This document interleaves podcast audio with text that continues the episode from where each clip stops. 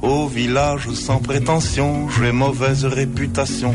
Que je me démène ou que je reste quoi, je passe pour un je ne sais quoi. Hola, Santi Jiménez. Què tal? Bon dia. Hola, Malcom Otero, bon dia. tal? Bon dia. Ja heu atacat la fruita, eh? No, jo no, jo si no la, me la pelo jo. Eh? Si no me la pelo jo, jo no veig. Ah, no, no, no acceptes. No em fio, no em fio. que coses tallades no... Sí, no me la pelo jo, sí, Però no això me de, la pelo jo. de quan et ve? Que t'han Ara, perseguit ara, o... Se m'ha acudit ara. Ah, d'acord, d'acord. Pensava que no, no, no estiguessis sota persecució d'algun tipus i No, temessis per no, la no, teva se m'ha vida. una, una tonteria. Ja, ja, ja, ja, està bé, està bé. Avui de què parlarem? Avui, mira, avui estripa... Avui, avui... Avui. Trepitjarem ulls de poll, eh? Perquè... Ah, sí? Sí, perquè té molts fans avui el senyor aquest. Ai. Eh? Estripem un dels mites pels quals han sospirat tots els aspirants a poetes les últimes dècades, cosa que per la qual ja podria ser un execrable. No. Perquè la, la, la, la quantitat de pelacanyes que s'han dedicat a la poesia llegint aquest home, doncs ja això faria. Vols dir que Ens- ha fet mal per això? ha fet molt de mal, Ja, ja, ens estalviarien molts boleros, molts cantants de piano bar, vull dir, i tios de, tios, gent, gent, gent miserable, que, que, que, que, que li fa la vida més difícil a, a, a, a la humanitat, no? I això que, segons García Márquez i Harold Bloom, és el millor poeta del segle XX, eh?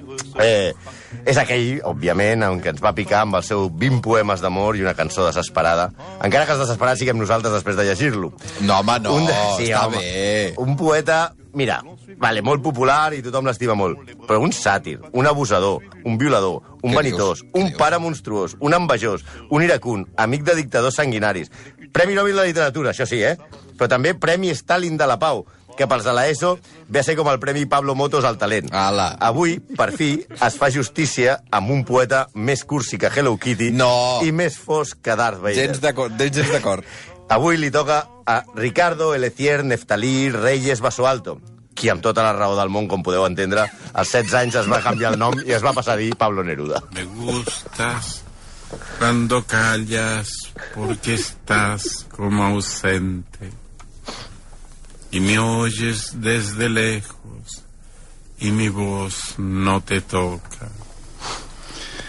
Doncs això té més Si ho- queda sucre algú que un despert, Heu xurros. animat la fe- Aixequem això. Heu animat la festa, ara. eh? El tio era una juerga a les festes, eh? Ja, ja, ja, ja. No, ja. Això, això, és, això és sucre pur, però el lloro en les primeres paraules d'aquests versos. Me gusta cuando callas porque estás como ausente. O sea, digueu això a les votes xicotes i us veig més sols que Rajoy una cimera No. internacional. No. Però, això, però això ja revela, Xavi, la seva relació amb les dones, que no era la que s'espera de qui va dignificar o no els poemes d'amor. Per començar, en Confieso que he bebido, Santi i jo haguéssim escrit... No, confieso que he bebi- vivido. confieso que he bebido, el que diríem tu i jo. Ah, vale, vale. ah, perquè es deia confieso que... que, que- he vivido, que he vivido. vivido. Son las Be- memorias. bebidos al Santillón. Sí.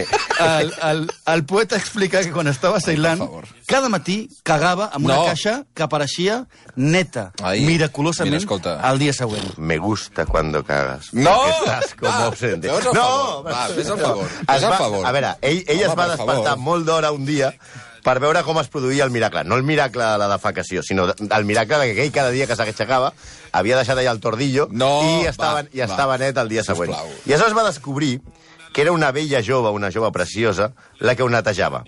I un matí, cometes, com explica, la tomé fuertemente de la muñeca i la miré a la cara. Com no parlaven cap llengua en comú, la va arrossegar al llit i la va violar. Sí. És, és de debò? De Totalment de debò. debò. Ara, ara us ho expliquem. Ell mateix, el confieso que he bebido, o el que he bebido, he cagado, ja no me'n recordo, Va. o potser el canto general, jo crec que amb tota la, ma- la mateixa bossa de reciclatge, considera que la va violar aquesta dona perquè era de raça tamil, de la casta de los pàries. Una dona humiliada per un sistema classista que l'obligava a acceptar tots els abusos dels que estaven considerats com una casta superior, que era el cas de Neruda. Tot un diplomàtic, aquest tio, eh? Ell mateix explica, al confieso que he vivido, el encuentro fue el de un hombre con una estatua. Permaneció todo el tiempo con sus ojos abiertos, impasible. Hacía bien en despreciarme. O sea, l'estava violant, collons. La veritat és que el llibre hauria de dir-se també Confieso que he violado. El que passa és que com més poeta, Hosti, tu. i una violació es pot explicar eh, de moltes maneres, amb les paraules les coses són, semblen més elevades, perquè ell, ell l'explica així, la violació. Ell mateix, eh? Se dejó conducir por mí y pronto estuvo desnuda sobre mi cama. Su delgadísima cintura... Però això què és, un, un poema? Que va No, no, escriure? això és les seves memòries. Les memòries, va no, escriure en el això? poema és més cursi encara. O sigui, això és quan escriu en prosa. A veure. Diu, su delgadísima cintura, sus plenas caderas, las desbordantes copas de sus senos, lo hacían igual a las milenarias esculturas del sur de la India. Ojo, aquí, amb la punt Indiana Jones, eh? No. El encuentro fue el de un hombre con una estatua. Que, Iba- hosti. permaneció todo el tiempo con los ojos abiertos. O sigui, eh, hi ha molts defensors de que diuen que no la va... vi- És una violació en tota regla. Home, si es va quedar Però Ah, com una realment estàtua, diu. era, era eh, que ella no va oposar resistència, que això ja és lo último del machito. Home, com... exacte. En el moment, de, en el moment de, determinat de les memòries diu una cosa semblant a entiendo su cara de desprecio. Vull dir, pues clar, estava la noia ja, pobreta. I a més eh, parlem d'una dona que li, Això neteja, ne- que perdona. li netejava la caca, o sigui que estava, era una feina... Això és Neruda, eh? Això és Neruda, Pablo Neruda, que eh, li netejava les caques d'una caixa que era la feina reservada, evidentment, a la casta més baixa de la societat en el sistema de castes hindú. Que mal. Sí, la veritat és que eh, Neruda era el que científicament es coneix com un pitxa brava. Eh, cada vegada que im- s'investiga la vida de Neruda surten més dones i més dones i més dones. Però compta amb el romàntic de barra de bar. Neruda li va dir a la seva núvia Albertina Azócar, Azúcar! Azócar, Va. que si no li donava el sí per casar-se, s'entén, immediatament es casaria amb un altre. Ah. I així ho va fer. Li va escriure, me estoy cansando de la soledad, y si tú no vienes, trataré, trataré de casarme con otra. Visca l'amor. Porque voy a creer yo en el amor. Aquesta música que heu triat ara... Home, és el poeta de l'amor i per nosaltres és Tonino Carotone. Molt bé. Como soy yo. Me cago en el amor. Va, prou. Vale. Bueno, també a Ceilan, quan ella estava de, enviat a Ceilan. A veure, va a Ceilan pels de l'ESO. A Ceilan és l'actual Sri Lanka. Bé, és igual, deixem-ho perquè no sabeu ni què és Ceilan ni què és Sri Lanka, és igual. Va. Es va embolicar allà a- amb Josie Bliss, que era, amb raó, òbviament, molt gelosa. Neruda es va fartar i tot un cavaller va- li va passar això. I explica les seves memòries. Por suerte, recibí un mensaje oficial que anunciaba mi traslado a Ceilán. Preparé mi viaje en secreto y un día, dejando mi ropa y mis libros, salí de la casa como de costumbre, entré al barco y me fui lejos. Oi. Y las otras bajar Ya, a casa. ya fue puñetas. Ya fue Sí, todo un Y si te he caballo. visto, no me acuerdo. I la llista segueix. S'enamora de l'argentina Delia del Carril i viatgen pel món. És la dona de la seva vida i es casa amb ella, però en la vida de Neruda hi caben moltes. Estan fora del país, s'embolica amb Matilde Urrutia, però com tots els covards, torna al costat de la seva dona que, en assabentar-se, se separa del fals poeta de cotó de sucre i se'n va amb la Matilde. Cal dir que cadascuna d'aquestes dones va inspirar com a mínim un poema. Home, Ah, llavors és, és- surt, uh, surt rendible, això. Ah, sí, Clar. tenim en compte que el canto general em sembla que són un tom així de gruixut, vull dir, imagina't. Però vaja, et tracto com una merda, però et faig un poemet. Feu-li això també a, vos, a les vostres noies i ja veureu, per menys d'això, ragem del reggaeton. Ja està bé que rajem del reggaeton, no, home, d'altra banda. És, és el Neruda del segle XXI. Perdona, el m'estàs reggaeton. dient que Neruda és el reggaeton de Pues sí, l'època. senyor, perquè no, no, obriu la ment. Puedo escribir los versos. Va, Però si Neruda... eh, No, podéis parar la primavera, podéis cortar las flores, però no parar la primavera, és reggaeton pur. Va. Va. Però si Neruda era un conqueridor de poc fiar, com a pare era un monstre. Neruda va tenir una filla amb hidrocefàlia, amb la seva primera dona, que era una holandesa. I a aquelles hores, eh, a aquella època, Neruda ja era molt famós, era amic de Vicente Alexandre o de Lorca, que arriba, van arribar a conèixer la nena. La nena estava destinada a morir molt aviat, però va, sobrevi va sobreviure fins als 8 anys. Mm -hmm. Pot semblar un pare sensible perquè fa alguna al·lusió badada en poemes com Enfermedades en casa, però la veritat és que Neruda va abandonar a la mare i a la filla a la seva sort. I no us ho perdeu.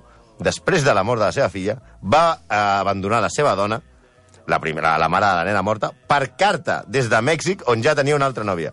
Un aplauso per al poeta de l'amor, eh? Sí, la, la, don, la dona, la, la mare, aquesta escriu el meu estimat porc, això ho diu en anglès, dear es dirigeix a- amb ell. Sí, Dear Pig. Dear Dear Pig. Pig. Bueno, és una Em- manera molt bonica de dirigir-se a començar Neruda. una carta, sí. És realment imperdonable la teva negligència cap a nosaltres, especialment cap al teu bebè. Avui, dia 8, dia 18 del mes, no he rebut els teus diners. La mare va haver de donar la nena a una família d'acollida que va morir el 1943. Mai més Neruda va esmentar i va intentar esquivar to- totalment sempre aquest tema. Joder amb Neruda, me gusta cuando callas porque la cagas. No, va. Vinga, I ara pot pagar, ja que em faltava. Envidia. A que sí que... Eh, home, a, a qui sí volia Neruda és a Stalin. Vinga, Quan va ja hi som morir- tots, ja faltava. És a dir, quan ja se sabien tots els seus crims contra la humanitat, li va dedicar una oda a Stalin. Mm. I el poema acaba així. Y allí velamos juntos, un poeta, un pescador y el mar, al capitán lejano que al entrar en la muerte dejó a todos los pueblos como herencia su vida. Su vida i els dels 10 milions d'ucranians que es va matar. Vull dir, vamos, estava molt de moda en aquella època d'Ura Stalin, que ja ho va fer Alberti, que era un altre execrable, però eh, diguem-ne que queda lleig. Clar, és que jo el tenia Neruda per co- eh, un antifranquista, etc. Sí, ho era, ho era. Ho era, ho era. Això Però és tenia veritat. l'altre, s'anava una mica massa a l'altra Una banda. mica allò de... Ja. Sí, ca- cal dir que Neruda va guanyar el Premi Stalin just l'any de la seva mort, el 1953. Això era mort de veritat. I després s'han de veure les fotos de Neruda amb altres sàtapes de la vida comunista, com Honecker, l'alemany, o la seva dona... La dona com... Honecker, eh? La dona de, de, de Honecker, que no sé què es deia Margot. Sí. Eh, com si fossin els singles anant d'excursió a la Casa de la Pradera, no? Fot- A, a les fotos, el curiós és que no es, disting, no es tin- dis- distingeix qui és qui. Què vols dir? Ni Honi, que està tot burros, ni Honegger, ni la seva dona, ni Javier Gurruchaga. Que segurament també Ara hi era. entenc la vida de No, los home, otros. Era una mica això. Neruda, molt proper a les preocupacions de la classe treballadora, era un assidu dels bordells més luxosos de, de tota Europa. Eh, faltava. També. En el que sempre demanava xampany francès. I pels que no ho saben, el xampany és otoe més car en Otoe. aquests jocs que el capravo. Sí. Sí. És a dir, no és el mateix comprar-te una botella al capravo que No. Eh, no. comprar-te-la amb una gasa de whiskerides. Exacte. També. Whiskerides, eh? Com diu el Whiskerides. James. Sí. I també parlava de la seva afició al caviar, que una cosa és ser comunista i l'altra és ser gilipolles. Sí, sí, és que Neruda és del que... Els que el van tractar diuen que canviaven molt de coses. Que un, un home que passava de l'humor més desenfadat a un mal geni en qüestió de segons, i d'aquesta manera es pot passar de burgès a marxista i viceversa sense problemes. La veritat, tot indica que era més fàcil ser el seu amic que la seva dona o el seu amant, o la seva filla. ¡Vamos! Oh. El teto es de los mejores. Dense cuenta suelto, freestyle sin errores. Perdona, que això que és la batalla de los gallos. És això. la batalla de los gallos. Oh, jo, jo he estat bastant fan de mirar vídeos d'això, eh? Són divertidíssims. Molt bo. Pues Neruda podria Rapejava. participar. No, però, però tenia... Però això, són- això per la Batalla dels Gallos, expliquem per la gent que no sàpiga, és, Sí. sí. són dos rapers que improvisen i es van... Una, una, una mica com Eminem a la pel·lícula de Ah, Eight Mile. I es van, diguem-ne. i, i es van picant. Insultant, bàsicament insultant, s'insultant. insultant. Vale, perquè no us ho perdeu. Perquè ell era un cabron en la rivalitat en la rima. Avui seria el crack de les pelees dels raperos, aquests, de pelees de gallos. La seva enemistat, per, sobretot per la seva enemistat amb els tres grans poetes xilens de la història que van coincidir en el temps. Pablo de Rodca, Vicente Huidobro i Gabriela Mistral. La rivalitat és èpica. Bueno, espera un moment, un moment, un moment. A Gabriela Mistral mai la vas tenir en compte perquè era una dona. Ah, o sigui, no- no, per què Era amb insultar-la, Huidobro, sinó- amb Huidobro i de Rodca. Ja. Però la, la veritat és que no hi ha res pitjor que uns poetes barallats, perquè, estimats oients, vosaltres us imagineu que la gran baralla del món és entre els protagonistes de Los Mercenarios, entre Pablo Iglesias i Errejón, Susana Díaz i Pedro Sánchez, però no hi ha res semblant a la lluita i la mala llet acumulada entre poetes. Tan filfes que I a més anar semblen... buscant a veure que exactament l'insult on està. A veure, a veure on està l'insult. I, i, que- ja sé que, sé que semblen molt filfes, però tenen més perill que Tyson quan ve de perdre el casino. Eh? Ai. D'entrada, el, els tres treien de l'equació, com hem dit a Gabriela Mistral, per ser dona, i probablement era millor poetesa que ells. Els tres eren comunistes, els tres eren xilens i els tres s'odiaven a mort. Ah, molt bé. Tant que quan a Neruda li donen el Premi Nobel, o sigui que una cosa que no, no passa normalment, el tio aprofita el discurs del Premi Nobel per despreciar Huidobro en el discurs. Què dius? Sí, sí. I Va fer referència a Sí, ell? i li va dir, i que piense Huidobro que no és un pequeño dios. Oh. La resposta d'Huidobro el dia següent no es va quedar-se curta. I ell va, va escriure a Huidobro en un diari xilè. ¿Es que mi presencia es un obstáculo para la felicidad del señor Neruda y sus amigos?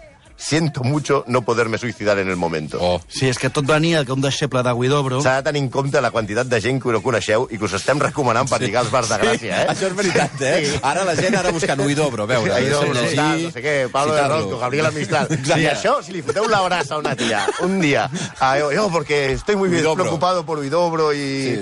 y I sa- Neruda. i sabes lo que se dijo, I dijeron encara, y i tal. encara fareu alguna cosa, tu. Sí, jo diré que això ho he provat, això de muy mal se nos tiene que dar la noche en Va. aquests temes, i surt malament. Però Bueno. bueno, sí. al que anàvem. Un deixeble de Widobro, Volodia Teitelboim... Amb un altre nom que apunteu. Si dieu Bolo de Tentenmoin, Jo no, no sospito, falleu que hi ha, mai. jo sospito que hi ha un moment que s'ho inventen, també, no, però vaja, no passa res. va descobrir que el poema 16 dels 20 poemes d'amor i una canció desesperada era un plagi brutal de El jardinero de Tagore. No teniu ni idea de què us parlem, però baixeu-vos al podcast i després agafeu amb un llibre i Va. ho mireu. Vale. Cosa que ens porta a pensar que entre els cursis, perquè Tagore també era un cursi de collons, es plagien o que bé tots els cursis parlen del mateix. O el que és pitjor, que els polítics també citen a Neruda, com fa, va fer el demòcrata cristià. Demòcrata cristià, cuidado, que demòcrata cristià, eh? Demòcrates de cintura cap a baix Va, i, ja, i sí, cristians. sempre, sempre deien el mateix. Va. demòcrata cristià italià, vull dir, que es deia Clemente Massella, que el 2008 va provocar la caiguda de Romano Prodi fent gala de transfugisme i va justificar-ho recitant un fals poema de Neruda que corre per les xarxes socials que diu Muere lentamente, però que la veritat és de la brasilenya Marza Medeiros, un altre cursi. Sí, moraleja, nois i noies que ens escolteu. Mai, mai a la vida us cregueu a ningú que us vingui a tirar els tejos en poemes d'un violador com Neruda. I mai feu cas d'allò de que me gustas cuando estás com ausente. Parleu sempre, parleu. I si no, opteu per Benedetti. Millor Benedetti. Uh, passen 4 minuts de dos quarts onze del matí, senyors, moltes gràcies. A vosaltres. Vinga, fins ara. Tout le monde viendra me voir pendu. sauf les aveugles, bien entendu.